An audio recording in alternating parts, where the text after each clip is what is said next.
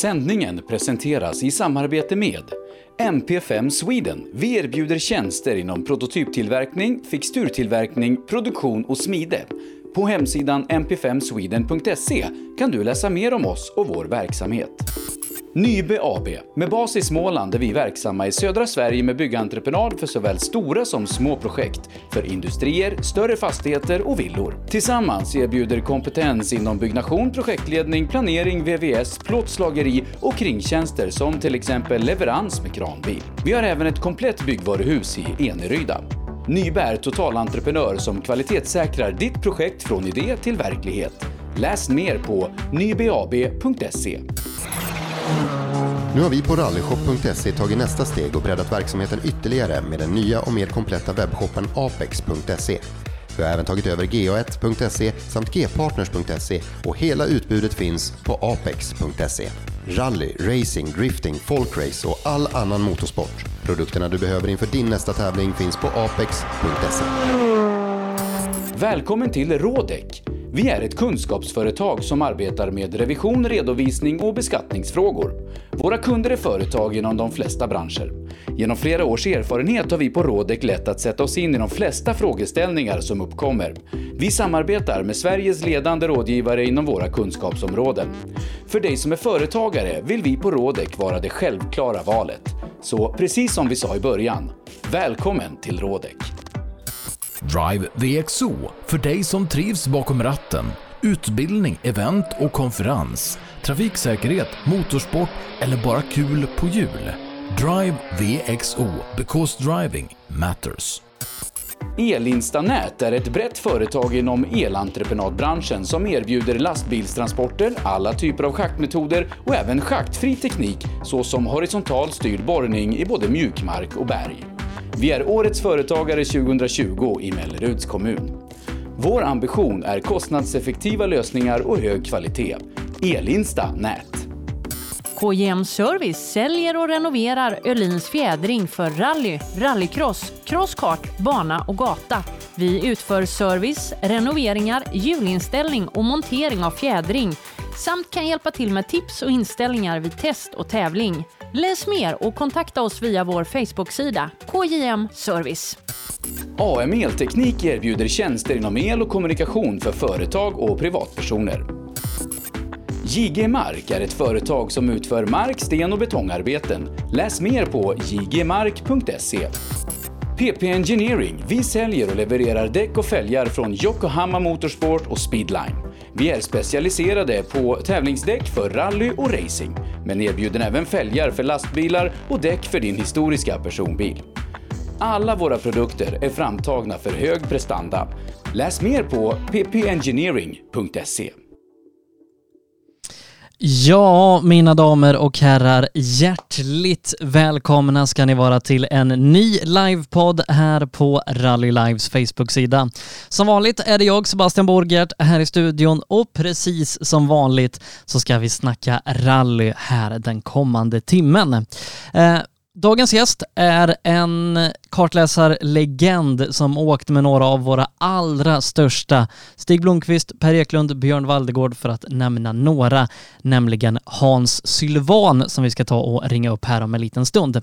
Innan vi gör det så vill jag tacka våra sponsorer som är med och gör de här programmen möjliga att genomföra. Eh, jag vill rikta ett stort tack till PP Engineering Yokohama, AM Elteknik, KJM Service, JG Mark, Nät, MP5 Sweden, Apex, Nyba AB, Rodec och Drive VXO. Utan de här sponsorerna så hade poddarna aldrig varit möjliga att genomföra. Eh, och jag ska också säga det att vi fortsatt har ett samarbete med Sunnyside Experience där vi eh, säljer sådana här snygga Fuck Cancer-dekaler eh, som finns i eh, vitt, orange och guld. Man kan köpa en sån här dekal och stötta kampen mot den fruktansvärda sjukdomen cancer samtidigt som man också får mängder med rallyhistoria på köpet. Eh, för är det så att man köper en sån här dekal så får man nämligen exklusiva poddavsnitt eh, som vi gjort under hela hösten och kommer fortsätta göra fram till årsskiftet. Och här idag har vi faktiskt skickat ut ett avsnitt avsnitt med ingen mindre än Hans Torselius, eh, kartläsare som bland annat åkte med Björn Valdegård och blev världsmästare i rally 1979, alltså världens första kartläsarvärldsmästare. Så köp en sån här dekal för 325 kronor genom att swisha till 0763 57 12 28 så får man dels en snygg dekal på posten här i veckan och även då de här avsnitten med bland annat Hans Dorselius, Bruno Berglund, Nalle Johansson, Leif Asterhag och många mer skickade till sig. Så stötta kampen mot cancer och få ett stycke rallyhistoria samtidigt. Vi ska nu ta och ringa upp eh, kvällens gäst. Som sagt, ingen mindre än kartläsaren Hans Sylvan.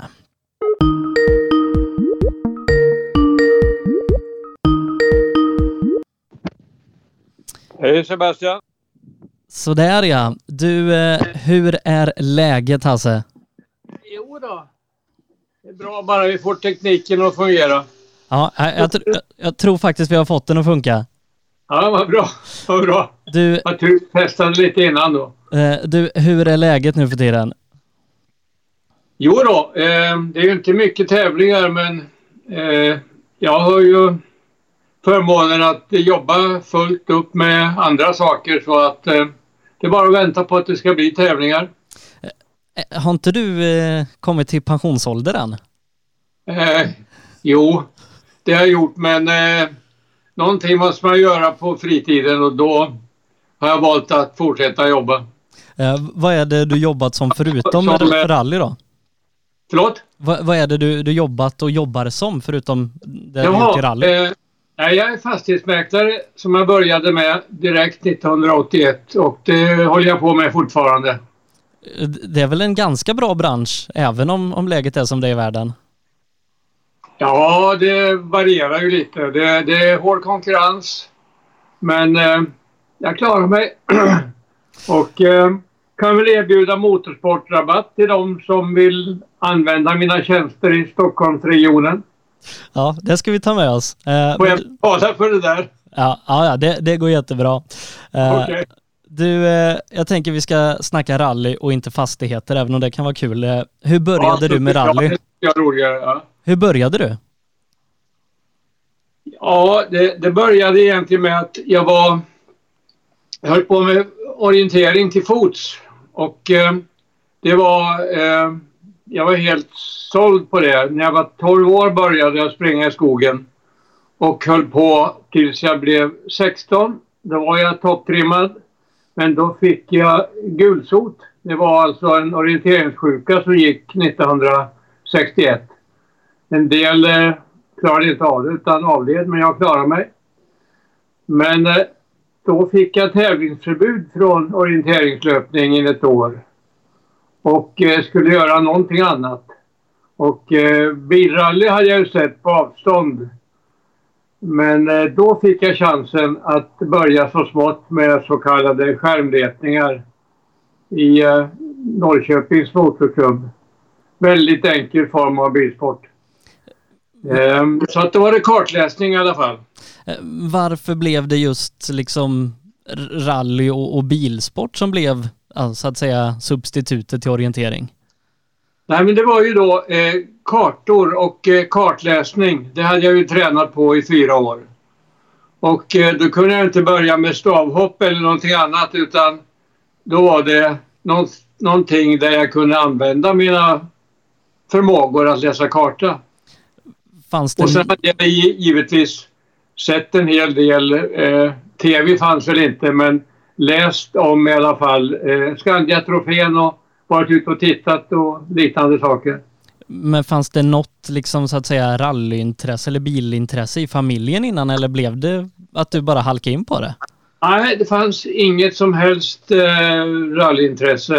Eh, min far hade väl hellre sett att jag hade blivit fotbollsproffs men eh, så var det inte. Hade inte de anlagen.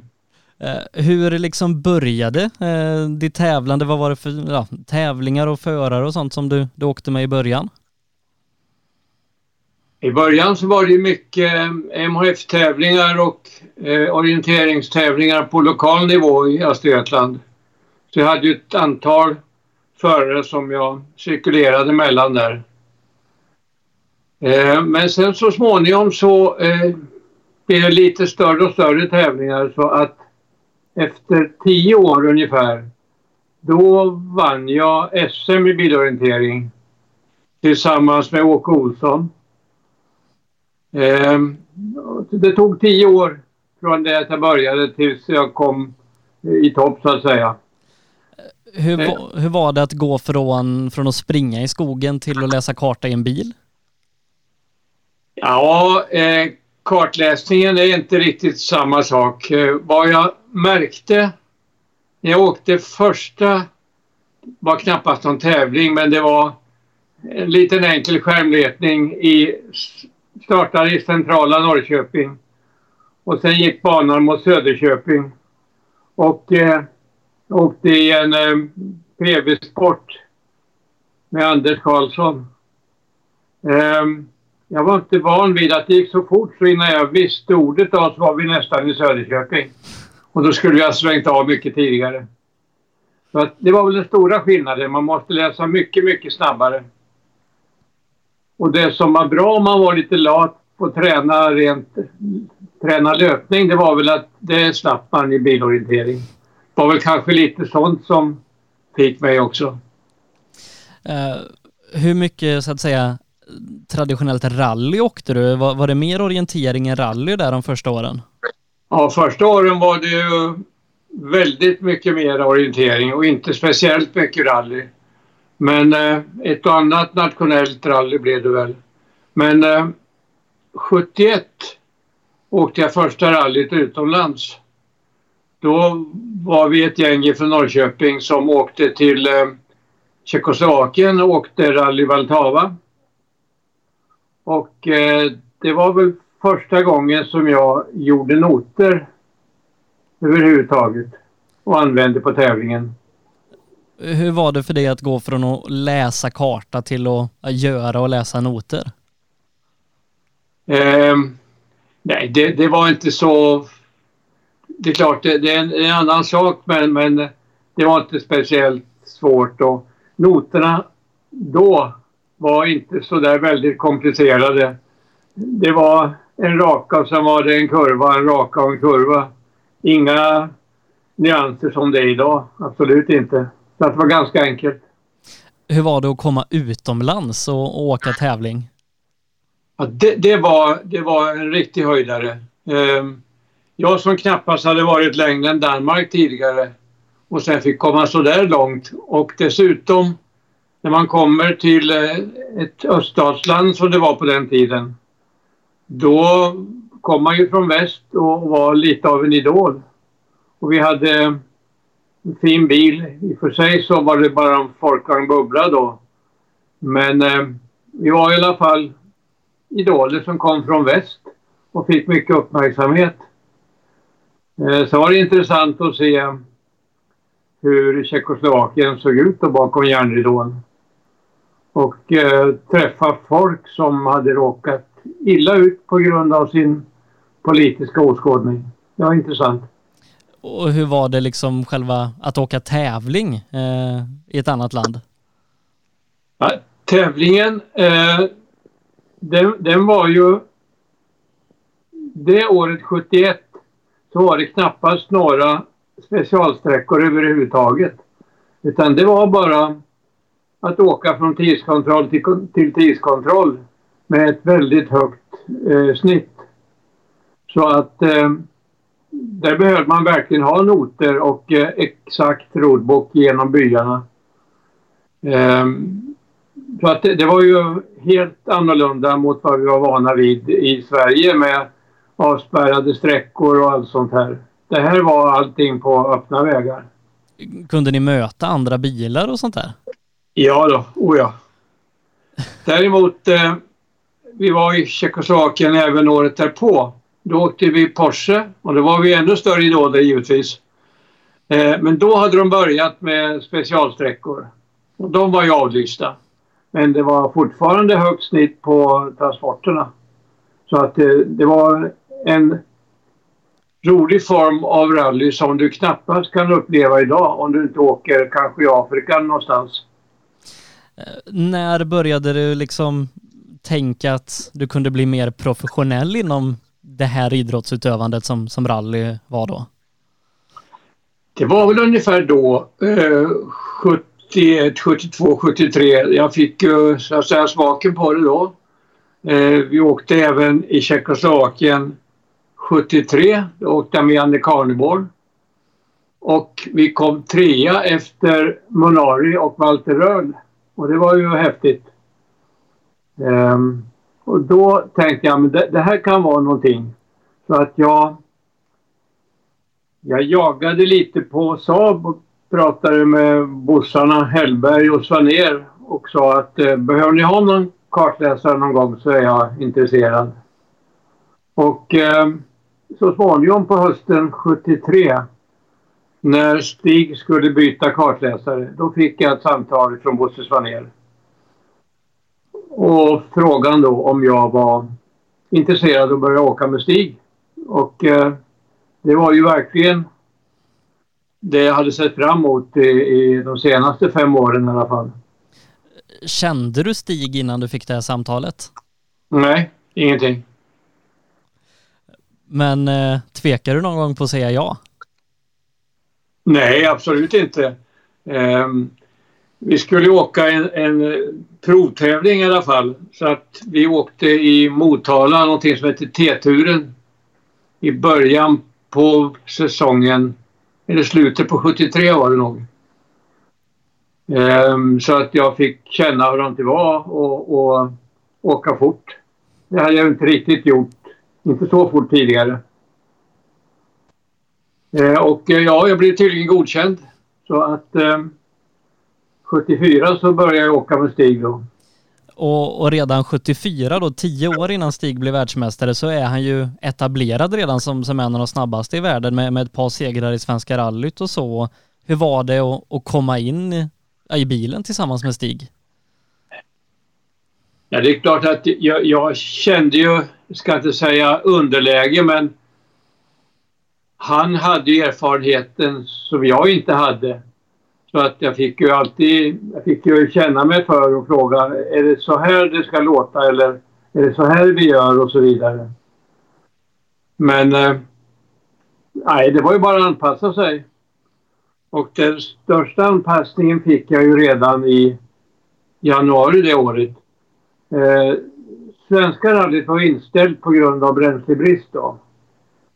Så att då åkte vi till Arctic Rally i Rovaniemi. Och där fick jag en riktig resa. Det är nog det värsta jag har åkt tror jag. Eh, förr eller senare. Det, det var det, det, värsta jag har åkt med Stig. På vilket det, sätt? Ja, vi hade lite problem där så att vi låg väl efter ledningen och eh, behövde gasa ifatt dem. Och eh, Ja, det, det fanns inget annat än att åka järnet. Och jag vet inte om Stig skulle testa mig extra mycket men det är möjligt att han hade den tanken. Um, så att, um, ja, det var en riktig resa jag fick. Uh, men liksom personkemi och sånt är viktigt för att det ska funka i en rallybil. Eh, hur, hur kommer ni överens? Nej, det var inga svårigheter och jag är nog ganska så anpassningsbar också och uh, eh, kom man som jag säga, nybörjare i proffscirkusen med en som har varit där i tio år, då är man inte så kaxig heller. Men det, det hade jag inga problem med. Hur var det att liksom komma in i ett fabriksteam som Saab var på den tiden? Ja, det var ju som att komma till himlen för mig. Eh, det var... Jag fick ju vara nere i eh, Trollhättan ibland och, och få lite utbildning i enklare saker. Byta bromsbackar, Saab V4 där bak. Det klarar jag nästan med förbundna ögon idag. Eller kanske inte idag förresten. Men då gjorde jag det i alla fall. Sådana där saker som man var tvungen att klara av ute på en...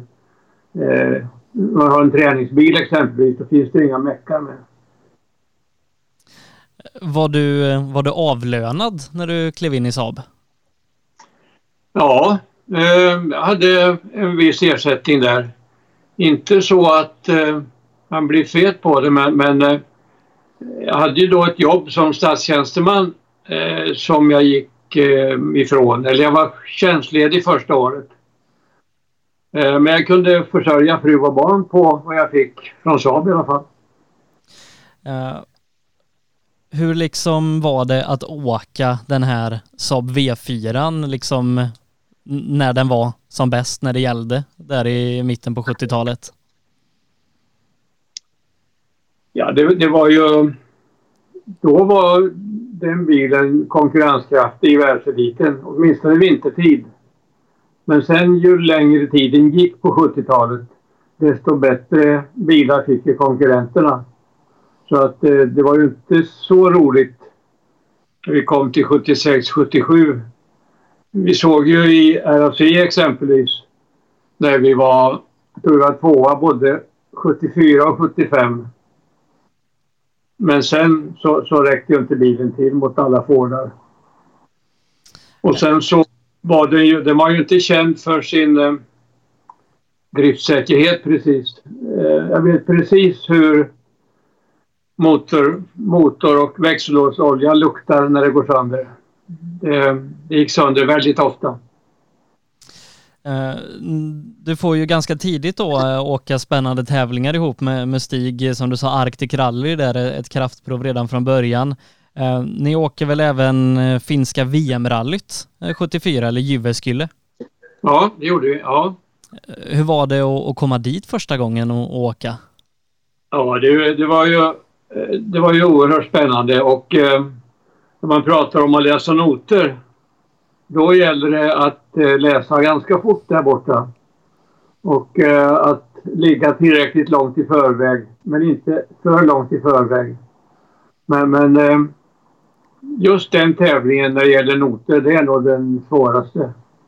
Det tror jag du kan fråga dagens elit om också. Hur var det att köra över de här stora krönen och grejer i, i en V4? För fjädring kan jag tänka mig, det, det är långt ifrån vad det är idag. Ja, det kändes ju faktiskt i ryggen efteråt. När man flög 30 meter med en V4 och landade ganska stumt. Det, det tar på ryggen. Inte så att jag fick några bestående men av det, men, men visst hade man ont någon vecka efteråt.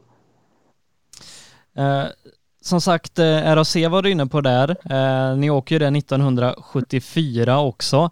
Uh, och, jag försökte kolla lite kring tävlingen där och, och, vad jag kunde hitta så var det över 80 sträckor det året. Ja, kan stämma.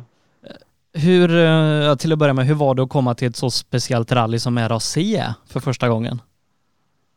Ja, det, det var ju också eh, någonting som man har läst om och, och eh, haft som ett mål att komma dit någon gång. Ehm, då hade kartläsarna väldigt mycket eh, jobb. Vi åkte nog iväg till England en vecka i förväg och eh, ritade kartor och kartor och kartor. Ehm, för då skulle ju meckarna, de var ju tvungna att ha alla de här 80 sträckorna med alla serviceställen och allting inritat. Och eh, jag minns inte om vi tävlande hade roadbook. Det kanske vi hade. Vi, var, vi, vi, vi måste ju också ha kartor när serviceställena är inlagda. För på den tiden då var det inte en central serviceplats utan då var det service efter varje sträcka i princip.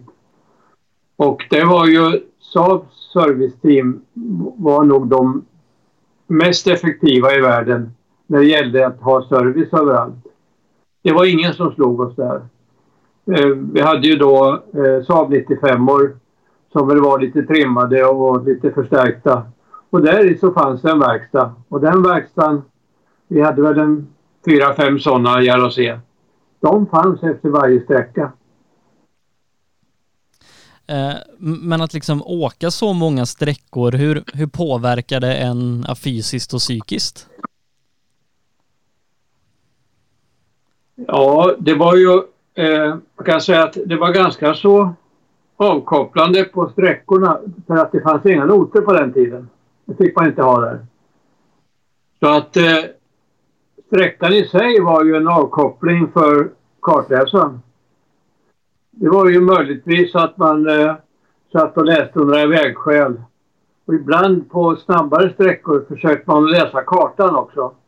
Men det var ju 50 000 karta och inte så där väldigt lätt att, få fram några riktigt bra instruktioner från. Men, men visst, vi försökte. Eh, men det var ju inte någon större noggrannhet. Men en riktig tjuvsväng kunde man hitta på kartan. Men sen så var ju eh, tidsschemat var ju väldigt tufft. Eh, vi körde väl som regel 36 timmar och så var det ett uppehåll på ett par timmar. Och då kunde man i bästa fall sova en timme kanske. Och så var det 36 timmar igen. Hur, hur är det liksom att, att vara aktiv och, och prestera under så lång tid? Ja, eh, så länge det är action så är det inte svårt att hålla sig vaken.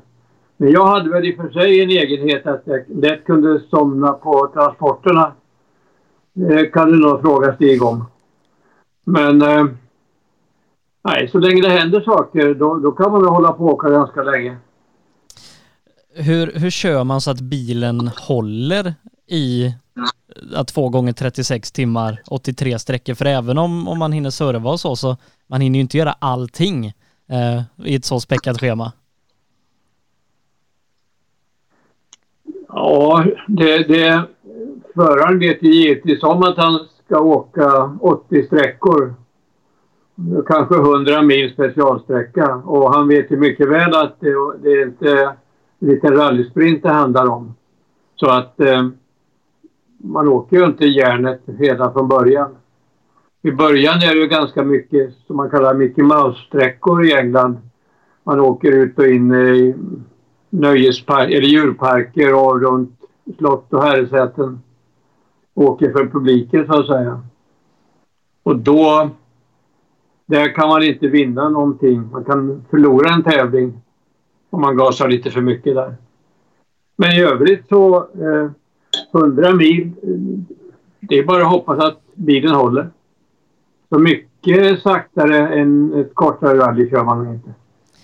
Ni blir ju tvåa i RAC-rallyt den här gången och hur var det att få kliva upp på pallen i den typen av tävling för dig då för första gången? Ja, det var ju en höjdare givetvis. Och dessutom så under tävlingen så hade jag gjort mitt livs första rullning. Bara det. Eh, och eh, att rulla med Saab det är inte så svårt och det är inte så farligt heller. Men om du ser på gamla bilder från den tävlingen så har vi en sån här eh, extra ruta som vi har klistrat fast innan vi hann få dit en riktig ruta. Men, men eh, det är ju en viss upplevelse första gången man, man eh, åker på taket och leran sprutar in genom där rutan satt. Kommer du ihåg hur, hur, du reagerade då liksom när det hände? Trodde du att det var över eller insåg du att den kunde fortsätta?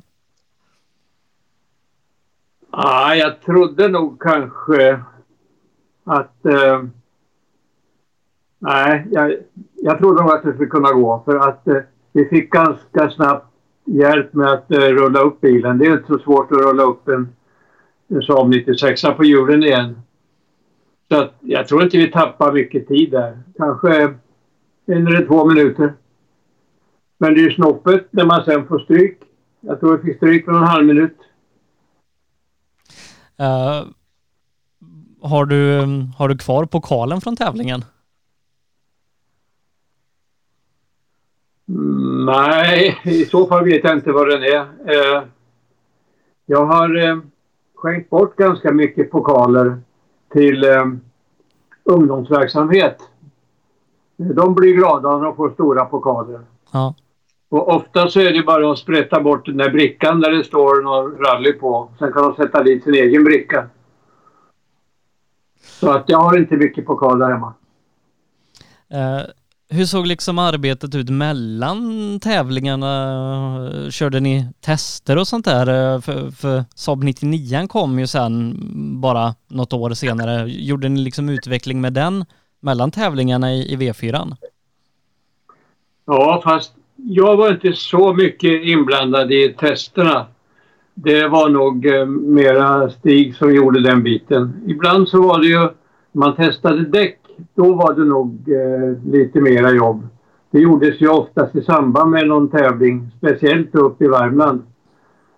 Eh, och då gällde det att vara med på plats och ta exakta tider så man kunde bedöma vilka däck som var bäst. Men annars så var jag lite undersysselsatt. Eh, Saab åker ju inte så väldigt mycket tävlingar.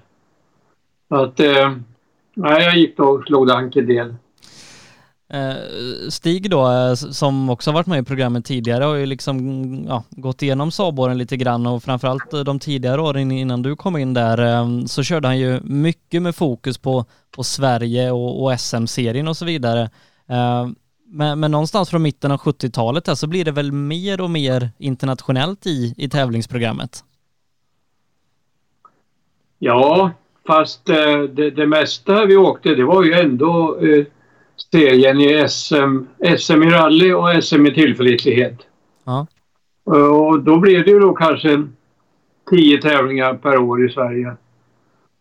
Och utomlands så var det inte speciellt mycket. Som Stig då berättade så eh, fanns det vissa länder där återförsäljarna ville se oss. Vi åkte ju som Stig sa då i Belgien några gånger och, och vann då första tävlingen med 99. Vi åkte på 11 några gånger. Men då åkte vi med 96 Och eh, det är ju så backigt där så att eh, det funkar ju inte med, med 96ans bromsar. Så att eh, det var inga strålande resultat. Ja, vi, vi, ska komma in lite mer på, på de tävlingarna här lite, lite senare. Eh, men, men om vi landar någonstans i, i 75 där eh, så får väl du åka ditt första svenska rally ihop med Stig? Ja. Uh, hur, var det, hur var det att få åka den typen av stortävling på, på hemmaplan i Sverige? Jo, det, det var ju en höjdare givetvis. Jag hade åkt den eh, 73 så eh, ingick halva tävlingen tror jag i eh, Svenska folkvagnscupen. Så där åkte jag en sån här grön torkis. Och om jag inte minns fel så var det det året de testade dubbfritt också. Och då var det många gröna folkvagnar som stod i backarna och inte kom upp. Det kan jag tänka mig. Det var inget bra experiment med dubbfritt. Uh, men hur var det att åka första, första Svenska rallyt i ett fabriksteam? Ja, det, det, det var ju någonting som jag hade drömt om givetvis. Och eh, man fick ju fantastisk service. Behövde inte tänka så mycket på någonting mer än att ta ordning på noterna och veta vart man skulle någonstans. Och eh, noterna var ju väldigt noggranna på den tiden för då fick man åka hur mycket som helst. Det var fri träning. Och då blev det ju ibland ganska så eh, jobbigt när föraren efter att ha åkt nio gånger vill åka tionde gång samma sträcka, samma noter. Men eh, så var det då. Eh, hur liksom var så att säga perioden innan Svenska rallyt när man åkte sträckor tio gånger med liksom, ja men träffa familj och sådana där grejer för att det, det, var väl någon vecka ni la på, på att åka? Ja, jo, men, men eh, alltså Saabs tävlingsschema det, det, var inte så tajt så att eh, familjen blev inte speciellt lidande. Eh, själva tävlingen då, Svenska rallyt 1975, eh, hur, var, hur var den? Ja, jag har inte sådana fantastiska minnen av riktigt hur det var och eh, du vet säkert hur vi kom där. Ni blev tvåa bakom Björn Valdegård som vann i, i Lancia Stratosen. Eh, ni var 1.47 bakom så att eh, hyfsat tajt för att sen hade ni 10 minuter ner till trean. Ja, just det. Ja, ja. Nej, men just det. det. Nu minns jag lite mera. Ja, det var en jäkla fight där. Mm. Och det är klart att vi var avundsjuka på den där bilen, Lancia Stratos. Och då kom vi ju så småningom då till att vi åkte en sån så småningom. Uh, som sagt, ni åkte ju en del tävlingar i, uh, i Sverige uh, och även lite utomlands då. Men hur var, vad var liksom skillnaden på den tiden att åka en, en tävling i Sverige och utomlands? För en internationell tävling idag är någorlunda jämförbar med, med en SM-tävling i hur det funkar. Men hur var det på 70-talet att komma utomlands från att ha tävlat i Sverige? I hur det funkar och, och allt sånt där? Ja, om vi säger så här, i början på 70-talet när jag kom ut och åkte då i Tjeckoslovakien, Östtyskland och Spanien med amatörer. Då var det ju, det var ju eh, ovant för mig att överhuvudtaget åka, åka rally utomlands. Men sen när man kom med Saab ut, då hade man ju bättre backup både av eh, egen service men även av eh, återförsäljarna i det landet där vi tävlade. Där hade vi mycket stöd. Men annars, då hade ju tävlingsreglementet var ganska likt i hela Europa. Det var ingen större skillnad på Sverige och eh, Tyskland eller Italien. Det var bara vägarna som var lite annorlunda. Eh, som du var inne på där, Rally Elba i Italien då, det är ju en ikonisk tävling som finns kvar än idag. Eh, tror att de hann köra den innan de stängde ner Italien här i oktober. Eh, hur, hur var det att komma, komma med en, en Saab ner till Italien? Ja, det var ju en bil som många tittade på. De hade knappast sett en sån där 96 förut. Och, men, men, Stig var ju ändå ett känt namn så att eh, vi fick ett väldigt fint mottagande där.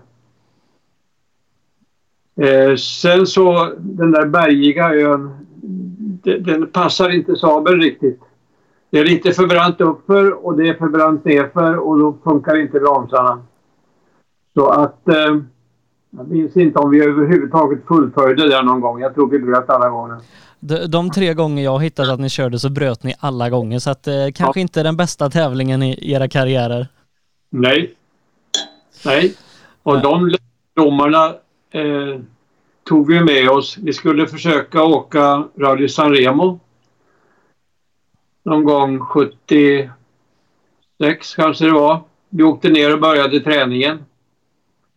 Men efter några dagar där nere så kunde vi ringa hem och säga det är ingen idé att vi, att vi anmäler oss. Eh, det funkar inte. Bromsarna räcker inte till. Så att vi tog tillbaka anmälan där. Men, men 75, eh, mitten på 75 där, då, då hade ni väl börjat köra lite med 99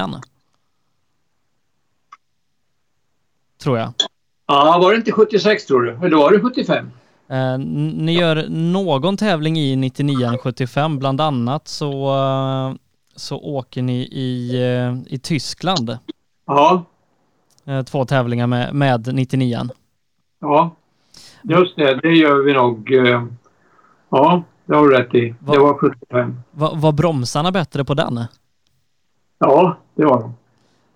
Men, men ändå så, så fick ni åka 96an i, i Rally Elba två år efter att, att ni hade gjort debut med ja, 99 men Jag vet inte om det hade med klassning att göra eller om det hade att göra med ja, någonting. Det där var inte någonting som en kartläsare fick blanda sig i. Det, var, det bestämdes högre upp. Eh, ni åker Jyväskylärallyt eh, igen 1975 och blir uteslutna. Ja. Det där är en historia. Det hade ju aldrig hänt idag i VM eh, att det kan gå till på det sättet. Eh, vi ledde ju tävlingen när vi kom till eh, Savonlinna var väl uppehållet. Och då kom de helt plötsligt bara och säger att ni har kört för fort, ni är diskade.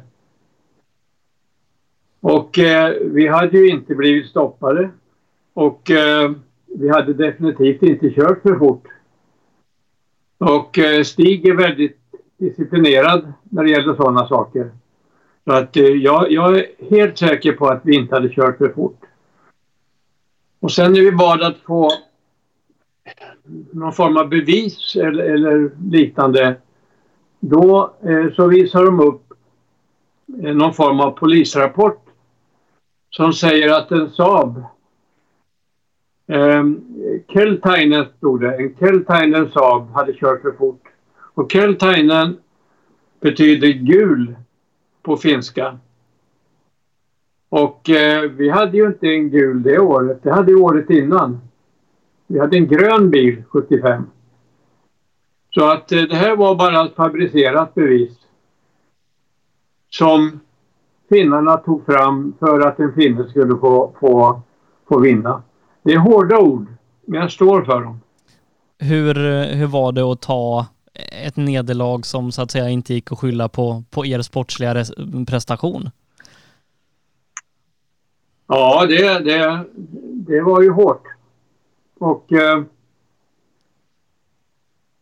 termen brytarbrännvin kom väl till då tror jag. Eh, ni åker eh, RAC-rallyt igen och efter en andra plats 74 eh, så, så håller inte motorn hela vägen 75.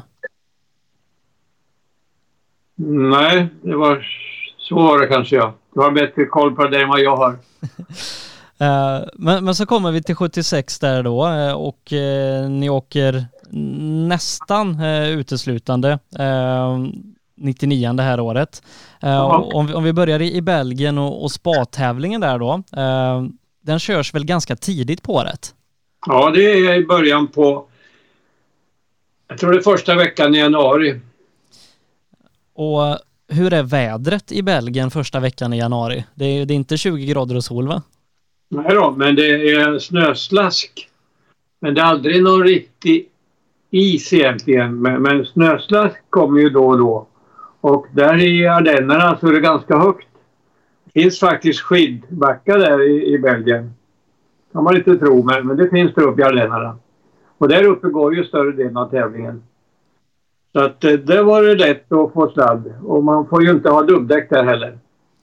Eh, hade ni någon fördel därav då att vara, vara nordbor, att Stig var, var duktig på att ratta bil på, på snö? Ja, det tror jag säkert. Nu var det inte så väldigt mycket snö på tävlingen. Men på träningen vet jag att vi var ute i någon kohage ibland och sladdade. Eh, som sagt, ni vinner den tävlingen, tar första segern i, eh, i 99 eh, Det var en EM-tävling det året där då. Eh, och så kommer vi till Svenska rallyt 76, eh, en andra plats året innan och, och Stig hade vunnit ett par gånger så jag kan tänka mig att ni var lite revanschlystna inför 76. Ja, och eh, det var ju det året som eh, det inte var tillåtet med träning. Hur var det från att ha, tränat hundratals mil till att inte träna alls? Ja, eh, det var ju lite ovant givetvis. Men å andra sidan, eh, alla de svenska chaufförerna de hade ju åkt så mycket sträckor uppe i Värmland för att i stort sett så visste de väl ganska så bra hur det svängde, men inte i detalj. Och ja, det blev en väldig fight som man har skrivit ganska mycket om mellan Stig och Per där. Och eh, det sägs väl då att eh, chefen Bo Hellberg gav båda sparken under tävlingen om de höll på och gasade så här hårt. Risken var ju givetvis att de skulle gasa på sig bägge två och eh, något annat fabrikat skulle vinna. Men eh, ja, som du vet då så eh, höll de sig på vägen bägge två. Då kom ett och tvåa. Per först och Stig sen. Hur upplevde du tävlingen inifrån bilen? Ja, det var en oerhörd fight och en väldig koncentration. Och eh, ska inte säga att det gick på gärdsgård men eh, det var inte stor marginal. Var du någon gång liksom rädd när du åkte så fort? Nej, inte rädd för liv och hälsa för det, det, det händer inte så mycket med de höga snövallarna i Värmland och, och en så säker bil. Men däremot eh, rädd för att åka av vägen och behöva bryta. Det är det man är rädd för när man kommer i mål efter ett sånt rally och det har gått så fort flera dagar, eh, hur, hur känner man sig i, i kropp och knopp? Ja, det var ju likadant där att jag hade ju inga noter att läsa så att jag var ju ganska så avkopplad. Det, visserligen, spänning är det ju hela tiden. Men det är ju inte så att, att jag använder så väldigt mycket av hjärnan, bara ropa ett och annat vägskäl. Så att, eh, och eh, i Sverige så var det nog lite mer uppehåll än vad det var i RAC i alla fall. Så att vi var nog ganska utsövda. Vi fick då sova en natt emellan varje etapp. Eh, efter pallplatsen i Svenska rallyt så åker ni bland annat Elba igen då som, som vi var inne på. Så åker ni, ni åker till Wales också, en, en EM-tävling. Ja. Med, med 99an. Tyvärr kommer ni inte i mål. Nej, det var nog åtskilliga gånger som vi inte kom i mål. Likaså i, Jyväskylärallyt eh, det året eh, kommer inte heller i mål. Då tror jag det är växellådan eller transmissionsproblem. Eh, men var det inte det året som vi slog i en sten på första sträckan och slog sönder oljetråget? Jo, så är det. Ni, ja. ni, ni står brutna på första sträckan ja. Ja, och bröt efter 38 minuter. Och vi var inne på hotellet efter en timme ungefär. Då var det nog brytarbrännvin igen. uh, för för uh, till finska rallyt fick ni träna va? Ja, oh ja. Så att, då hade vi varit där och tränat en månad.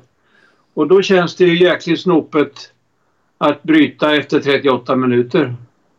Det kan jag tänka mig, speciellt när, när det var någonstans 50 sträckor som, som väntade. Då hade man nog räknat sig ja. att få åka lite till. Ja visst. Och sen då, ja vi hade ju lite revansch att ta och sånt där så att eh, visst. Uh, när en sån grej hände, stannade ni kvar och följde tävlingen eller åkte man hem så fort det bara gick? Nej, vi, vi eh, följde den tävlingen ganska så bra för att det var en Saab-entusiast där som hade ett sjöflygplan som vi fick kontakt med. Så att eh, vi flög med honom till flera sträckor och landade på en sjö som var lämplig för flygplanet. Och där, där eh, rallysträckan gick förbi. Det är ju tusen sjöar säger de i Finland så finns ju lite att landa på. Så att eh, den tävlingen följde vi stor del av i alla fall. Vet du vem som blir bästa svensk? För att det är bara en svensk topp 10, alla andra är finnar. Kanske svårt. Nej, eh, Leif Asterhag blev 10 det året. Alla andra svenskar bröt. Jaha. Så var det. Eh, tillbaka till, till RAC-rallyt sen då för att avsluta året med eh, en ny andra plats. Ja eh, bakom eh, Roger Clark. Ja.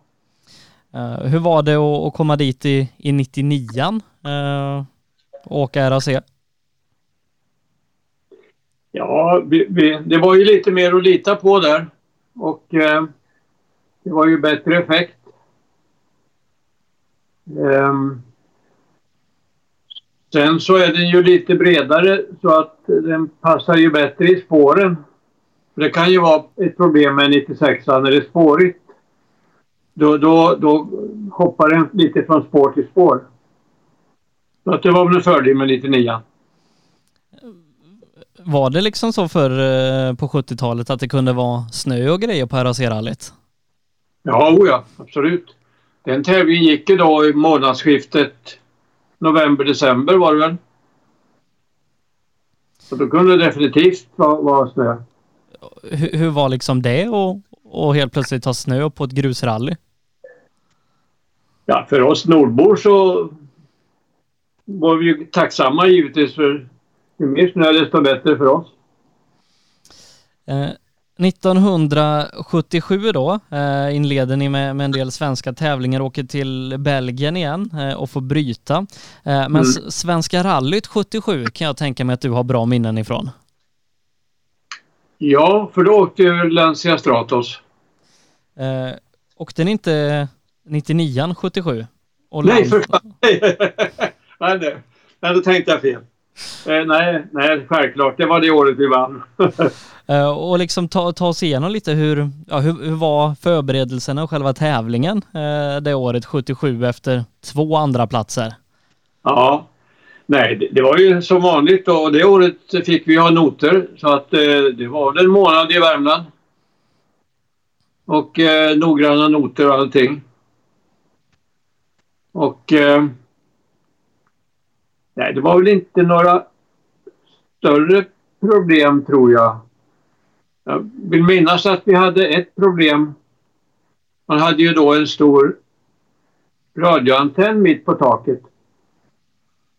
Och någonstans i ett gupp på en sträcka så, så blev det, började den där att pendla och pendlade bakåt och petade hål på, vindrut, eller på rutan där bak. Det var väl det största problemet vi hade på den tävlingen tror jag. Hur var det att få vinna Svenska rallyt? Ja, det, det, det var ju verkligen en höjdare. Ehm,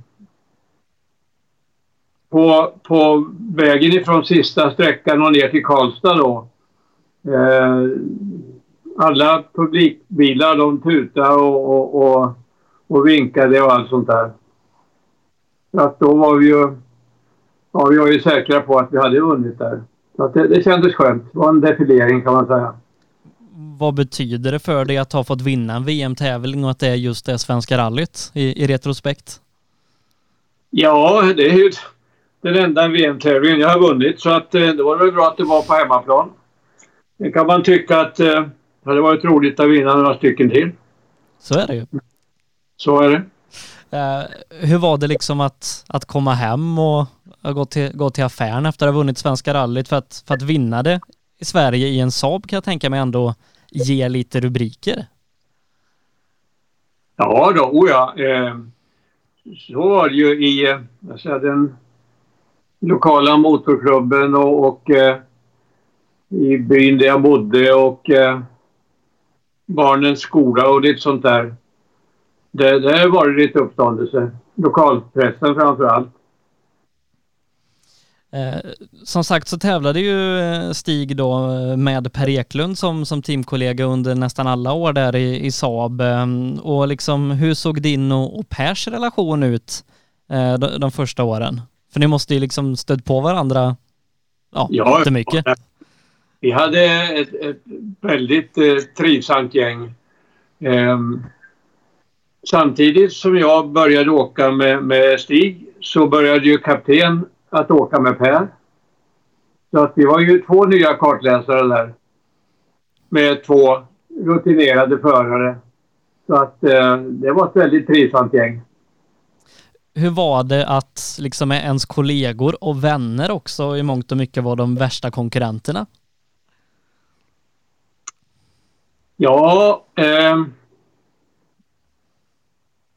jag hörde att du ställde någonting liknande fråga till, till Stig där.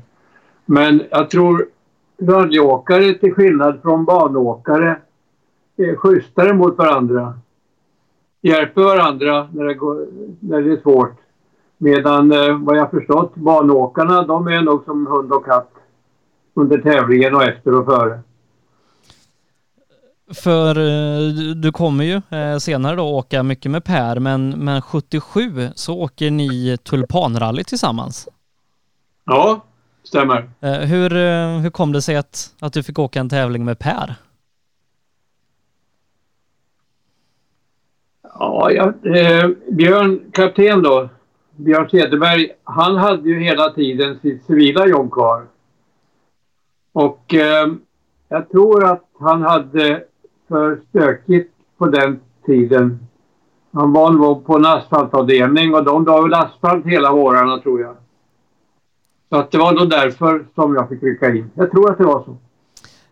Hur var det liksom att, att hoppa in med, med Per? Liksom skilde det sig någonting eh, i ja, körstil och sätt att arbeta jämfört med, med Stig som du var ganska van vid? Ja, de är ganska olika. Um, det är ju inte tyst i bilen en lång stund när, när Per är med. Och sen gäller det att lära sig det språket. Um, det var väl egentligen när jag började åka heltid med Per som jag lärde mig värmländska eller norska eller vad det är för någonting han pratar. Men, eh. de har ju olika körstil och eh, Stig är väl lite mer beräknande och eh, Per är ju lite mera Ja, kör. Går det så går det. Eh, ni blir femma som sagt i Tulpanrallyt där då, eh, du, du och Per. Eh, I övrigt säsongen med Stig, eh, förutom segern i Svenska rallyt eh, och en seg i, i, seger i Finland så, så är det ett ganska tufft år för att jag, de resultat jag har så bryter ni nästan varenda tävling med tekniska problem. Ja. Eh, men ni åker bland annat en tävling i Australien va? Eller Nya Zeeland? Nej, Australien. Australien åker jag, ja. Mm. ja. Hur var det att komma dit? Ja, det var ju långt kan man säga. Ehm, och sen... Eh, det är ju ett väldigt trivsamt land. Det är ju eh, engelsmän som har flyttat ut och har tagit med sig det bästa av England och eh, hittat på lite nytt där. Um, trivsamt folk. De kör ju på samma sida som engelsmännen så att det, det hade vi vana vid.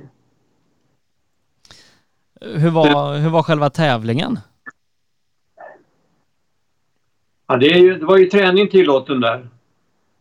Men vi hade inte så väldigt mycket tid för träningen och det var ju ganska långt också. Så att vi åkte väl kanske varje sträcka två gånger. Mer var det nog inte. Men eh, med tanke på de här skogsbränderna som vi såg nu förra året där nere. Det var i år till och med. Eh, de skogsbränderna såg vi lite av redan då. Det var inget ovanligt att eh, det brann i trädtopparna när vi tränade att sträcka in i skogen. Men, men eh, det var ingen katastrof, men, men man såg hela tiden att här, här kan det brinna. Eh, men tyvärr kommer ni inte i mål i tävlingen. Nej. Det var eh. tekniska problem där också. 1978 eh, då blir väl ditt sista år ihop med Stig? Ja. Varför, varför blev det så? Ja, då i slutet på 78 så tyckte jag att jag hade för dåliga villkor. Så att jag eh, åkte till Trollhättan och eh, lämnade in en, eh, inte direkt avskedsansökan, men att jag sa upp vårt avtal för omförhandlingar.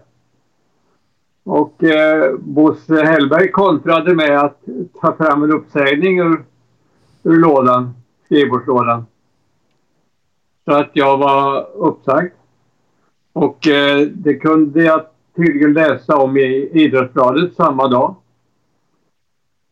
Eh, så att då hade de bestämt så här att eh, Björn, som då inte krävde att få någon anställning, han hade ju fortfarande kvar sitt civila jobb. Han skulle åka med, eh, med Stig istället och eh, jag skulle åka med Per då. Eh, men Per fick ju heller inget kontrakt så att eh, vi gjorde väl några tävlingar hos Saab, men, men, i princip så fick vi gå ut på fria marknaden. Och det var ju det bästa som hade hänt egentligen. Att eh, vi kom ut i världen. Eh, om, om vi hänger kvar lite vid, vid 78 där då, eh, så, åker ju du eh, och, och Stig fortfarande ihop. Eh, men så åker ni ju som sagt en Lancia Stratos i Svenska rallyt. Och, ja, just det. Och, och, och varför gör ni det när ni kör för Saab? Nej, det var ju så att eh, Saab utvecklade ju tillsammans med Lancia den här eh, vad katten hette den då? A112? Ja, heter det?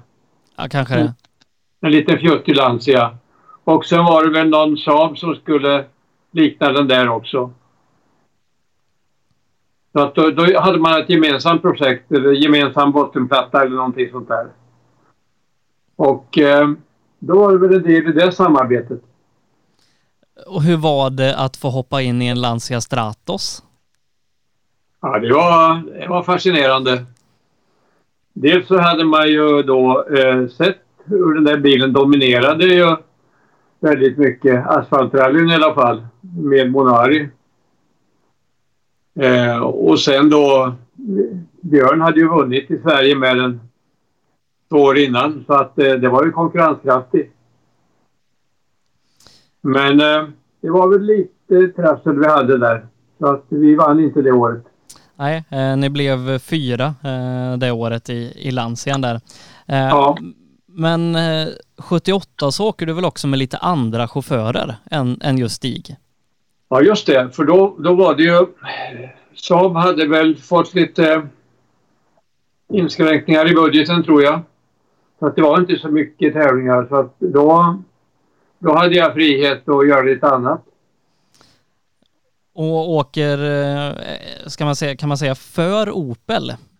Ja, kan man säga. Ja.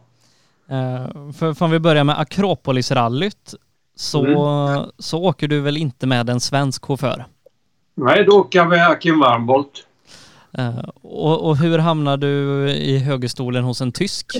Ja, det, det var ganska tragiskt egentligen. För att eh, Akims kartläsare som han var anmäld med hade åkt en tävling i Tyskland någon månad innan och eh, förolyckats.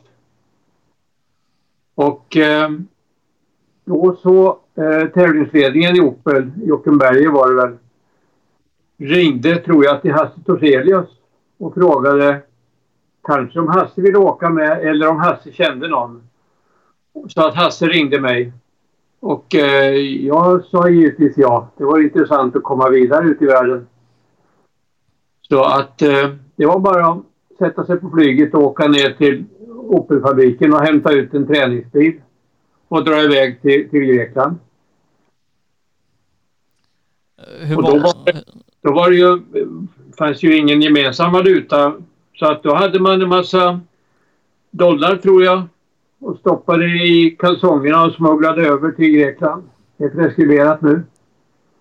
Så man kunde betala för bensin och allting sånt där i en månads tid. Eh, kunde du tyska eller fick ni ta det på engelska? Nej, det är också en rolig sak. Jag såg ju fram emot att få eh, polera min tyska lite. Eh, dels så hade jag läst tyska i skolan. Och sen hade jag ju varit en del i Tyskland och tävlingar också så att... Eh, nej, det, jag tyckte nog att jag kunde en del tyska. Och såg fram emot att få prata tyska då, med Akim. Men se det gick inte alls. Han vägrade prata tyska. Och eh, det var nätt och jämnt att han erkände att han var tysk. När vi kom i en tysk bil där då i Grekland. Då frågade ju folk, vad är ni för ena? Var, var kommer ni ifrån? Ja, eh, sa Akim här. Alltså här, han, han är svensk och eh, jag bor i Monte Carlo. Så han sa aldrig att han var tysk. Okej. Dessutom så bodde han inte i Monte Carlo, han bodde precis utanför i Frankrike. Men det var Akim i ett nötskal. Eh, hur, eh, hur var det att åka Akropolisrallyt? Ja, det var ju sånt där långdistansrally där det inte enbart var specialsträckorna som avgjorde utan det var nog lika mycket transporterna som var avgörande. För det var högt snitt och dåliga vägar. Och kom du dammet efter någon då, då var det kinkigt. Fick man en punktering där exempelvis då gällde det att hinna byta den innan nästa bil kom ifatt dig och körde om dig. Så att eh, det var tufft. Kommer, Och, du, eh, kommer du ihåg hur det gick? Nordsystem var intressant. Det är nog det mest komplicerade jag har använt mig av. Han beskrev inte bara jag säga, raksträcka och kurvan och allt sånt där, hur, hur tvär den var. Utan han beskrev också hur han skulle köra just den kurvan. Det kunde ju heta då eh, 200 eh, medium left, very long, two inside. då, då beskrev han alltså hur, hur, han skulle åka svängen där. Och så, så var he, hela hans notsystem. Så att eh, det fick man läsa fort. Fortare än i eh, Finland nästan. Kommer du ihåg hur det gick? Ja, nu ska vi se då. Eh, jag tror vi kom då trea i grupp ett eller någonting. Eh, trea i gruppen och femma totalt. Ja. Mm. Stämmer bra. Eh, mm. Och sen så åker du väl 78 också tillsammans med vår gemensamma bekante Nalle Johansson i Finland?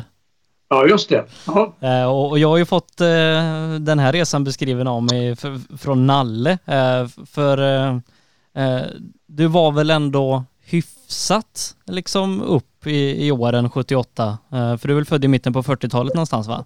Ja, stämmer ja. och Nalle är väl lite yngre än dig? Ja. Hur, hur, var han när han var ung så att säga och var ny i det här med att åka utomlands och internationellt? Nalle är ju väldigt hemkär så att eh, han hade väl inte varit så väldigt mycket utomlands. Men, men eh, han är ju oerhört trevlig och sen är han så taggad så att eh, ingenting lämnas åt slumpen. Så att eh, det var inspirerande att åka med honom. Han är ju kanske en av de mest lugna och sansade människorna jag känner. Var han det ja. även 78? Ja, det var han. Oh ja. Han sa han ju själv i intervjun, hörde jag, att, att han behövde lugnas ner lite. Men det är klart, han ville göra bra resultat. Och ibland så gick det lite för fort. Bland annat det här som han beskrev då när vi var i diket. Jag vet inte om jag pratade lika mycket. Jag tror att jag bara sa kör upp på vägen. Men... Så är det. Två sidor av, av ett mynt. Ja. ja. Eh, som, som du var inne på där då, slutet av, av 78 så, så blir det skilda vägar med, med Stig och med Saab. Och hur såg liksom, ja, om man ska beskriva det som diskussionerna ut med, med Per inför 79? Ja, då, då hade, eh, ja vi, vi, vi såg väl då att det var, det var vi båda och sen var det resten av världen då. Och eh, ganska så snart, någon gång tror jag i december redan, så fick eh, Per en förfrågan ifrån Fiat att åka Monte. Och eh, det var ju det var ju bra att få börja direkt i ett fabriksteam. Men liksom när, när ni klev in i 79, visste ni hur säsongen skulle se ut? För, för jag tror ni åker fem olika bilmärken. Ja, ja. Eh, ja, alltså vi började ju med Monte. Och då visste vi att då skulle vi åka Fiat Ritmo. Och eh, då åkte ju eh, Rör åkte ju 131 då i samma team. Och eh, Bettiga åkte Ritmo också. Och eh, ja, sen minns jag inte vem som hade den andra 131 Det kanske du vet. Eh, ja, det kan jag nog kolla om inte annat. Men hur var det att, att komma in i ett annat fabriksteam efter så många år i Saab alltså, och så vis, visserligen några inhopp i, i, i Opel där? Ja, nej, det, det, det, märkte man att nu var vi i ett annat land och eh, här är det nog lite mera eh, distans mellan chefer och anställda än vad det är i Sverige där, där meckarna var nog hårdare hållna av verkmästaren och av teambossen och så vidare. Och eh, det var väl vi också egentligen. Vi hade inte så mycket att säga till om och inte var vi så kaxiga heller när vi kom ut i världen. När vi just hade fått sparken. Så att vi, vi var nog ganska tacksamma att göra med det. Hur var det att åka Monte Carlo-rallyt? Ja, det var ju eh, intressant. Ehm, det var det ju träning. Det var väldigt mycket träning där också. Och ehm, med tanke på de här stora höjdskillnaderna så kan ju vädret vara väldigt annorlunda nere i dalen mot vad det är uppe på toppen. Så att eh, det gäller ju att ha noggranna noter. Sen fick vi ju även eh, isnoter där vill jag minnas. Det vill säga ett team åkte före med mina noter och prickade in var det var is och var det var snö och var det var barmark. Så att förutom noterna så läste man ju även isnoterna. Så att eh, även där fick man prata ganska fort. Tyvärr så kommer ni väl inte i mål? Nej, Rittman var inte någon vidare bil. Uh, och Svenska rallyt sen så är ni tillbaka i en Saab. Ja. V var det för Saab eller var det så att säga ja, i en Saab? Det ja, det var för Saab. Det var en fabriksbil. Hur, hur var det att komma tillbaka efter så kort tid? Ja, det var, var ingen skillnad egentligen. Det var bara ett annat årtal. Och eh, vi åkte väl inte gratis heller. Fick väl någon krona betalt. Uh, för sen är det, ja det är liksom lite tvära kast den här säsongen från då uh, Saab 99 Turbo i, i Svenska rallyt som ni inte heller kommer i mål i, så blir det Porsche i Finland.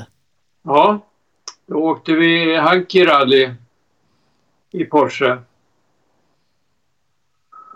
Och där vet jag inte om du i sammanställningen har glömt, men nog åkte väl Stig och jag Hanki rally också? Det, det har ni gjort. Eh, ja. 77 så vann ni den tävlingen i Saab. Ja. ja. Eh.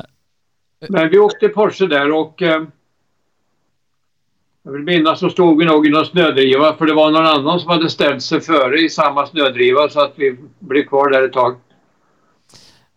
Hur var det att hoppa så mellan olika team och bilar? Ja, det... Det är, det är ganska intressant egentligen. Att träffa andra typer av människor. Andra vägar, annan typ av rodbok, andra typer av noter. Så att, eh, nej, det är inspirerande. Uh, för ett team som, uh, som Per och du också för den delen kommer åka mycket för kommande åren sen är ju Triumph. Ja. och det börjar ni åka Circuit of Ireland 79. Ja. ja. Och den tävlingen skiljer väl sig också ganska mycket från, från annat som du åkt tidigare? Ja. Och, och bilen också för den delen? Ja, bilen också. Ja, ja. ja. Um, det var ju en riktigt underbil, en V8. Det sparkar ju bra. Eh, vägarna på Irland är ju väldigt smala. Det finns inte utrymme att sladda där precis. Det är inte den typen av asfalt. Det är väldigt smalt. Och sen så var det ju då ett eh, engelskt team.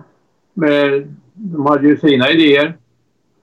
Eh, de ville nog gärna stå på ett ställe och serva medan vi var vana från Saab-tiden att det ska stå en servicebil efter varje sträcka. Så det vart eh, ja, fick vi kanske jämka oss lite. Eh, hur var själva bilen liksom om man säger tillförlitlighetsmässigt och så? Eh, ja, den var ju inte... De hade ju kört några år med den där men, men de fick hade inte fått riktig ordning på motorn tror jag. Och eh, jag minns inte riktigt hur det gick där. Eh, jag har eh, ett minne av att polisen tog oss när vi var på väg ut ifrån ett uppehåll. Och eh, då så går de ju först till mig och ska prata och tror att jag är föraren för jag sitter på den sidan. Men eh, jag skickar över honom till Per då. Och Per säger eh, It's not my problem. Ask John Davenport, he's behind. Och John Davenport var ju teamchefen som följde oss i en bil. Och eh, med den förklaringen så klarar vi oss ifrån fortkörningsböter. Ja, perfekt. Ja. Eh, förutom då att ni, ni åker ganska mycket Triumph så, så får ni köra en tävling i alla fall i eh, en sån här Fiat 131. Ja, just det.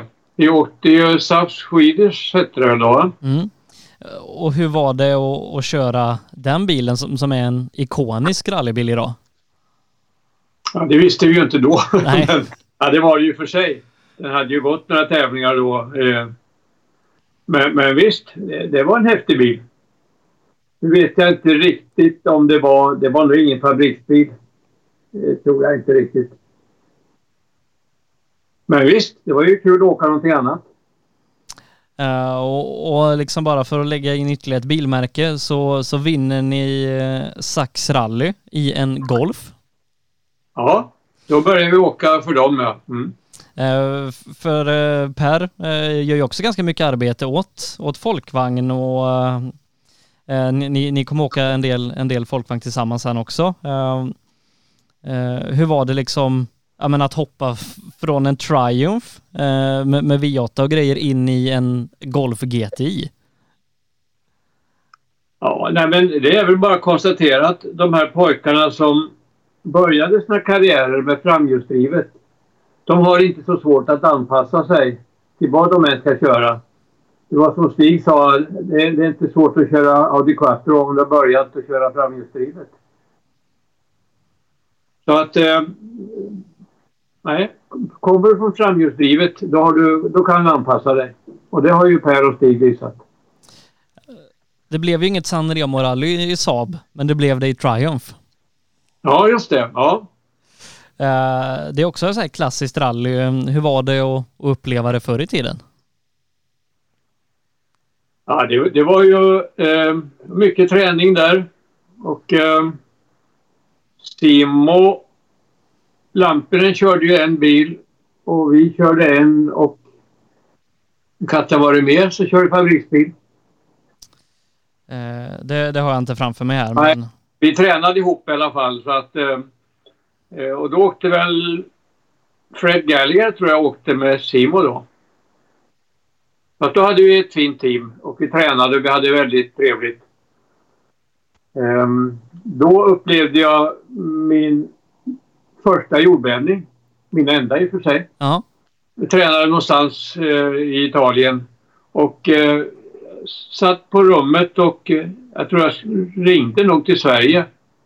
När sängen började galoppera och jag tänkte, fan nu håller, nu håller Per på att skoja med mig. Han ligger under sängen och bråkar. Men så såg jag gardinerna börja snurra eller svänga. Och då, då förstod jag att det var jordbävning. Och eh, det var ju några som strök med då inom byn, inte långt ifrån där vi bodde. Så att det är sånt som kan hända. Eh, och du åker en tävling med en engelsman också va?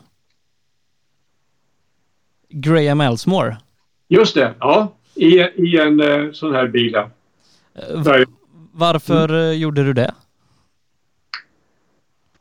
Ja, jag tror att teamet tyckte att man fick ju inte tränade då i England på den tiden. Teamet tyckte nog att det var bra om jag fick åka så mycket rally som möjligt i England då. Så att eh, hans ordinarie kartläsare fick, fick backa undan där. Och jag åkte med Graham där hur var det liksom 79 där som liksom blir ett år där du mer eller mindre bara tävlar utomlands från att ha kört en del baserat i Sverige med resdagar och, och allt sånt där? Ja, då var det ju lite mer faktiskt. Då, då um, var det väl inte så roligt för familjen och eh, då hade jag brutit upp från en familj också så att eh, det var lite stökigt där. Ja. 1980 då eh, blir ju din sista så att säga professionella karriär eller år i karriären. Eh, visste du det när du klev in i 80? Nej, inte i början. Men framåt slutet så hade jag nog tagit det beslutet. Och vad, vad grundade sig beslutet i? Ja du. Det var nog mångfacetterat. Dels, eh, dels ny familj. Och eh, sen så var det inte så där väldigt lukrativt på den tiden. Det, det, var ersättning så att man överlevde men inte mycket mer. Så att eh, hade jag vetat vad jag vet idag, då kanske jag hade fortsatt några år till när det började bli bättre betalt. Men eh, nej, jag tröttnade då i slutet på 1980. Eh, ser man till säsongen 1980 så, så blir det många olika bilar, eh, fortsatt en del Golf och Triumph, eh, men även Toyota och Datsun i Svenska rallyt. Ja, Eh, men, men ni börjar i Monte Carlo-rallyt. Eh, Ja, det var väl det, till det bästa vi eh, gjorde på de två åren, Per och jag. Mm, För ni vinner er bilklass och blir femma totalt. Ja, men, men innan dess då så eh, var det ju mycket snö där nere, speciellt på en sträcka, Sisteron tror jag det var. Och det var nog eh, säkert 10-15 centimeter snö på övre delen av sträckan. Och eh, då passade det bra med en Golf. Så att eh, när vi kom ner till Monte Carlo då igen, då låg vi tvåa efter Rörn. Och det var ju stor sensation. Och eh, Sigvard Andersson då, PR-chefen på Folkvagn. Jag, jag vet inte om han var i Sverige eller om han var på väg ner, men då kom han ner i alla fall. Så att han stod nere på kajen när vi kom och låg tvåa där. Och det var ju stor uppståndelse, stora rubriker. Sen eh, tyvärr då så sista natten där så var det bara ren asfalt. Och då kunde vi inte hävda oss. Utan då åkte vi ner till femte plats. Men eh, ja, det, det, det, det, var, det var en rolig tävling. Hur var det att åka Svenska rallyt i en Datsun? Ja. det var väl ingen höjdarbil precis men, men eftersom vi hade åkt Svenska rallyt så många år och ville vara med i gänget då, så, så tackade jag väl ja till det också. Jag tror det var återförsäljarföreningen för Datsun som, som eh, engagerade oss där. Det var inte fabriken. Eh, ni åker ju eh, en del tävlingar som sagt i Triumph, eh, bland annat så åker ni i Portugal, eh, Skottland, eh, Ypresrallyt som skulle gått nu här i, i november, eh, Ja. Jyväskylä och eh, lyckas ta en tredjeplats i, ja, det är bra Finland. i, i, i Finland att komma trea med den, det loket. Eh, och så en hel del tävling i Tyskland också eh, med, med folkvagn. Ja. Eh, men så börjar ni åka lite Toyota också mot slutet av året. Bland annat Ja. i, i Schweiz. Ja, just det. Det vann vi ju det, Radio Divin. Det stämmer. Och sen eh, vet jag inte, blir det din sista tävling eh, liksom så att säga som professionell? Eh, Bandama-rallyt eller Ivory-rallyt? Ja, det var i alla fall tanken. Ehm, att det, ja, det var den. Sen så åkte jag med Per en tävling i England sen. För då hade ju Per kraschat där i Portugal. Och eh, då hade hans co-driver blivit lite skadad så att eh, då fick jag rycka in en gång till i England där. Min text tror jag åkte. Men just Bandama-rallyt och, och ha det som en av, av sista tävlingarna i, i aktiva karriären, det, det måste varit en utmaning. Ja, absolut. Det var ju det häftigaste och det, det sägs väl att den är minst lika häftig som Safari. Var det det- din eh, första gång i Afrika? Ja, det var det. Ja. Och liksom hur, hur, hur var själva upplevelsen för dig att åka rally i Afrika? Ja, det. Att komma ut i så stora skogar och, och så glest befolkat, då får man se till att man hittar hem. Och det var ju inte... Det finns ju inga vägskyltar. Det, det, och knappt att det finns väg ibland. Så att eh, man får ju lita på sig själv. Och eh, lita på att man tar sig fram över floderna och såna här saker. Så det var, det var mycket saker som hände där, både på träningen och eh, under tävlingen. Eh, men som sagt, eh, 80 blir då, eh, det, det stänger vi så att säga boken vad gäller den professionella karriären. Eh, de kommande 20 åren, hur ser relationen till rally ut? Ja, då var jag nog helt frånkopplad från rally. Um, nej, jag gjorde nog ingenting där. Jag hade ju börjat som fastighetsmäklare då och uh, var ju fullt sysselsatt med det. För att försörja mig på det sättet. Så att uh, jag gjorde ingenting egentligen förrän ungefär år 2000. Um, när Claes Uddgren lurade mig att göra comeback i bilorientering. Var du svårövertalad? Uh, nej, jag var nog inte det. Och sen så åkte jag väl lite bilorientering. En av mina söner uh, körde då. Och sen körde vi väl någon regularity också. Och sen så, ja, sen dök det upp nya chaufförer. Och eh, då blir det en hel del eh, klassiska rallyn med klassiska bilar. För en av chaufförerna som dyker upp så att säga är väl Björn Valdegård? Ja, stämmer bra. Vi åker en hel del eh, tävlingar nere i eh, Österrike. Um, det är ju lite mera uppvisning där nere. Men det är reguljärt i alla fall och det var så eh, han, han bad mig komma med för jag kunde det. Hur var det att, att komma in med en sån som Björn Valdegård? Ja, det är en fantastisk människa. Eh, socialt så är det helt underbart att, att uh, sitta bredvid honom i bilen. Eh, och uh, han är en riktig, var i alla fall en riktig PR-man för sporten. Uh, han var en fantastisk chaufför. Men det är ju inte så att din VM-karriär är riktigt över för att 2011 så åker du ju Svenska rallyt. Ja, jo. Med Joakim Roman då, en av våra mest erfarna chaufförer i Svenska rallyt. Ja. Hur var det att hoppa in i en VM-tävling igen efter nästan 30 år? Ja, jag var väl då folkpensionär tror jag. Och åkte rally-VM. Det tycker jag var en bra sysselsättning istället för att spela bingo som de andra pensionärerna gör.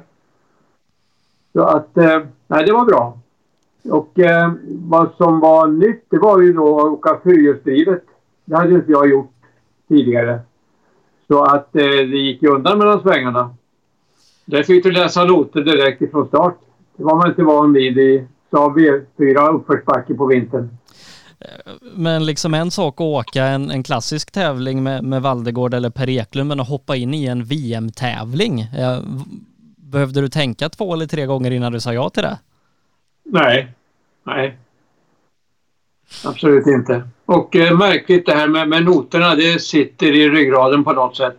Det är bara man får öka tempot lite. Men det sitter där. För, för du åker ju faktiskt en hel del om man bara ser de senare åren och jag kan tänka mig att något av de lite större äventyren du gjort måste varit med Jan Hagman i, i Afrika. Ja, det stämmer ja. Och hur, hur, var liksom den upplevelsen att, att komma tillbaka till Afrika och ja, hela, hela teamet där kring Hagman var ju väldigt professionellt och seriöst. Ja visst, absolut. Jo. Nej, det, det var ju en upplevelse. Eh, och där var det ju inte mycket till träning utan det fick man någon form av, av lite säkerhetsnoter nästan. Eh, I Afrika, i Marocko fick vi noter på franska som jag fick översätta till svenska. Men eh, Afrika var egentligen bara att eh, ge sig iväg och gasa. Men liksom här på, på 2010-talet kan man säga att du liksom ja, men, trillade, trillade in och fastnade för att åka rallybil igen? Ja, Bärs. Det, ja, det kan man säga. Det ligger i det. Du, eh, en sak som vi måste titta på nu det är det att min telefon säger låg batterinivå. Ja, vi... vi... Att vi började. Men kan jag gå och hämta en sladd? Och det tar 30 sekunder. Det kan du absolut få göra, så ska vi avsluta sen efter det.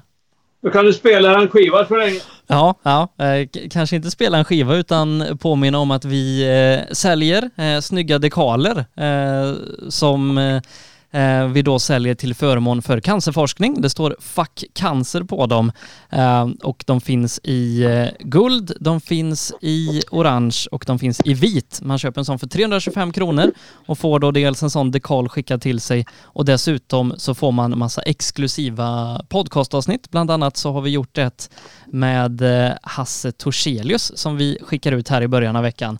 Så att eh, det kan man göra. Köpa en sån dekal och få ännu mer rallyhistoria på köpet. Eh, så ska vi fortsätta ta och ägna oss åt lite mer rallyhistoria innan vi nöjer oss här för idag. Ska vi se, hittade du en sladd? Ja, det har jag gjort. Och... Eh, ja. Häng där. Är du med där eller? Ja, jajamän, vi är med. Jaha, okej. Okay. Då får jag nog hålla det. Ja, men då kör vi.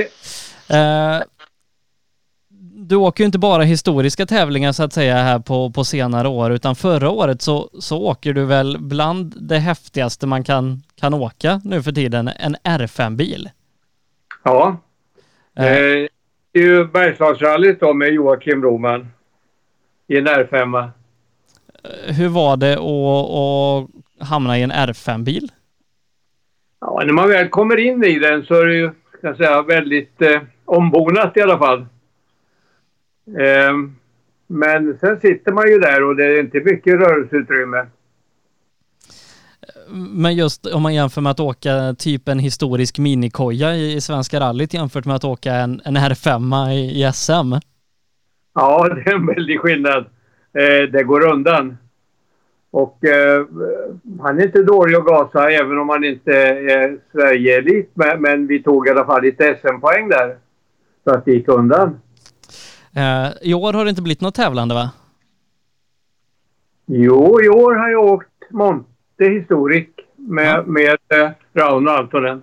Ja, just det.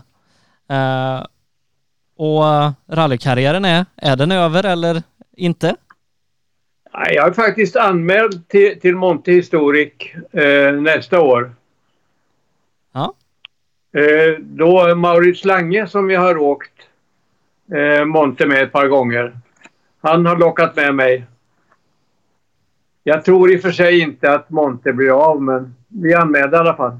Vi får se. Eh, du, jag har tre frågor som jag brukar ställa till dem jag pratar med. Eh, en av dem då är, vilken prestation är du stoltast över i din karriär?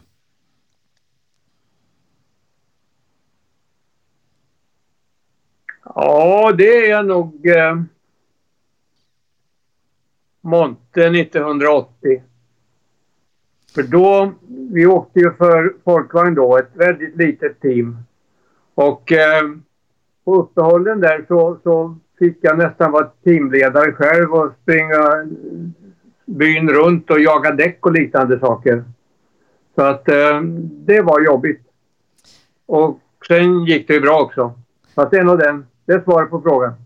Vilken är den häftigaste plats du fått besöka tack vare rally?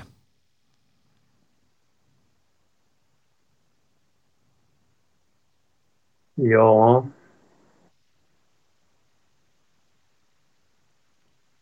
Det börjar varit någonstans i Afrika då.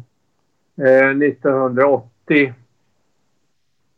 Det finns ju häftiga städer. Alltså den byn där, där presidenten var uppfödd.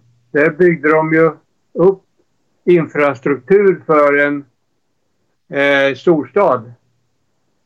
Men det fanns inga hus, men det var gator och esplanader och allting sånt där. Det var märkligt att komma till sånt ställe. Vilken är den häftigaste bil som du åkt? Tävlingsbil då? Ja, om man ser till, till eh, vilken tid jag åkte den också. Då, jag menar, en, en R5 eh, skulle väl idag köra ifrån en Lancia Stratos antar jag. Men, men visst var det väl Lancia Stratosen som var det häftigaste som jag åkte just då. Det kan jag tänka mig. Det kan jag tänka mig. Eh, du eh, Hasse, det var, det var det hela. Ja. Eh, det har varit jättetrevligt att, att få prata igenom din karriär. Eh, hoppas du också tyckte. Ja, och dessutom så, du har ju bättre pejl på min karriär än vad jag har så att det var bra att få lite lite uppdateringar. Ja. Eh, du får ha en fortsatt trevlig kväll och så hoppas jag att vi, vi syns på en rallytävling snart igen. Det gör vi säkert. Du, tack så mycket. Tack, hej med dig. Ja, där mina damer och herrar pratade vi med Hasse Sylvan och fick gå igenom hans eh, fantastiska karriär inom rallysporten, inte minst med segern i Svenska rallyt tillsammans med Stig Blomqvist.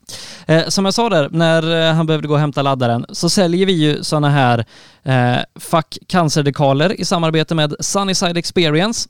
Man köper dem för 325 kronor och stöttar då kampen mot cancer samtidigt som man också får exklusiva poddar som den vi hörde med Hasse här nu, men som vi bara då delar med oss av till de som köper en sån här dekal och stöttar kampen mot cancer. Eh, idag har vi skickat ut ett avsnitt med ingen mindre än Hans Torselius, 15 år som kartläsare med Björn Valdegård, världens första världsmästare som kartläsare 1979 och han berättar om alla de här åren tillsammans med Björn och känslorna och tankarna kring att bli världsmästare i rally.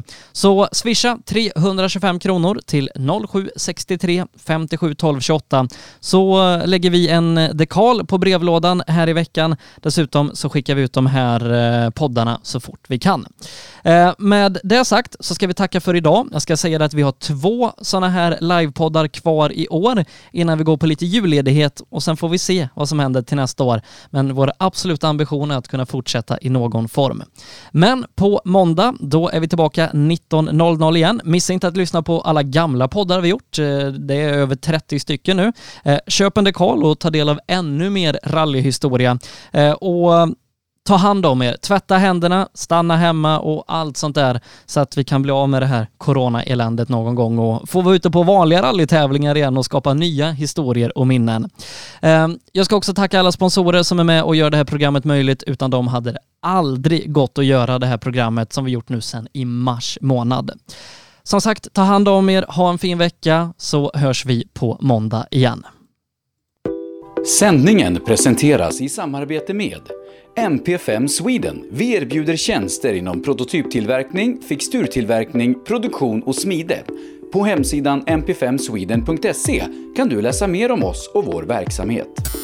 Nybe AB, med bas i Småland är vi verksamma i södra Sverige med byggentreprenad för såväl stora som små projekt, för industrier, större fastigheter och villor. Tillsammans erbjuder kompetens inom byggnation, projektledning, planering, VVS, plåtslageri och kringtjänster som till exempel leverans med kranbil. Vi har även ett komplett byggvaruhus i Eneryda. Nybe är totalentreprenör som kvalitetssäkrar ditt projekt från idé till verklighet. Läs mer på nybeab.se. Nu har vi på rallyshop.se tagit nästa steg och breddat verksamheten ytterligare med den nya och mer kompletta webbshoppen apex.se. Vi har även tagit över ga1.se samt gpartners.se och hela utbudet finns på apex.se. Rally, racing, drifting, folkrace och all annan motorsport. Produkterna du behöver inför din nästa tävling finns på apex.se. Välkommen till Rådek! Vi är ett kunskapsföretag som arbetar med revision, redovisning och beskattningsfrågor. Våra kunder är företag inom de flesta branscher. Genom flera års erfarenhet har vi på Rådek lätt att sätta oss in i de flesta frågeställningar som uppkommer. Vi samarbetar med Sveriges ledande rådgivare inom våra kunskapsområden. För dig som är företagare vill vi på Rådek vara det självklara valet. Så precis som vi sa i början, välkommen till Rådek! Drive VXO för dig som trivs bakom ratten. Utbildning, event och konferens. Trafiksäkerhet, motorsport eller bara kul på hjul. Drive VXO because driving matters. Elinstanät är ett brett företag inom elentreprenadbranschen som erbjuder lastbilstransporter, alla typer av schaktmetoder och även schaktfri teknik såsom horisontal styrd borrning i både mjukmark och berg. Vi är Årets Företagare 2020 i Melleruds kommun. Vår ambition är kostnadseffektiva lösningar och hög kvalitet. Elinsta Nät. KJM Service säljer och renoverar Öhlins fjädring för rally, rallycross, crosskart, bana och gata. Vi utför service, renoveringar, hjulinställning och montering av fjädring samt kan hjälpa till med tips och inställningar vid test och tävling. Läs mer och kontakta oss via vår Facebook-sida KJM Service. AM Elteknik erbjuder tjänster inom el och kommunikation för företag och privatpersoner. JG Mark är ett företag som utför mark-, sten och betongarbeten. Läs mer på jgmark.se. PP Engineering. Vi säljer och levererar däck och fälgar från Yokohama Motorsport och Speedline. Vi är specialiserade på tävlingsdäck för rally och racing, men erbjuder även fälgar för lastbilar och däck för din historiska personbil. Alla våra produkter är framtagna för hög prestanda. Läs mer på ppengineering.se.